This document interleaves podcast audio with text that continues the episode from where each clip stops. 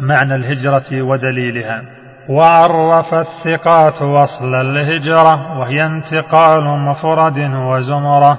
من موطن الشرك إلى الإسلام فريضة معلومة الدوام. دليله بسورة النساء أتت وعنكبوت بعدها فأكملت. ودللوا بسنة للهجرة والمنتهى حين انقطاع التوبة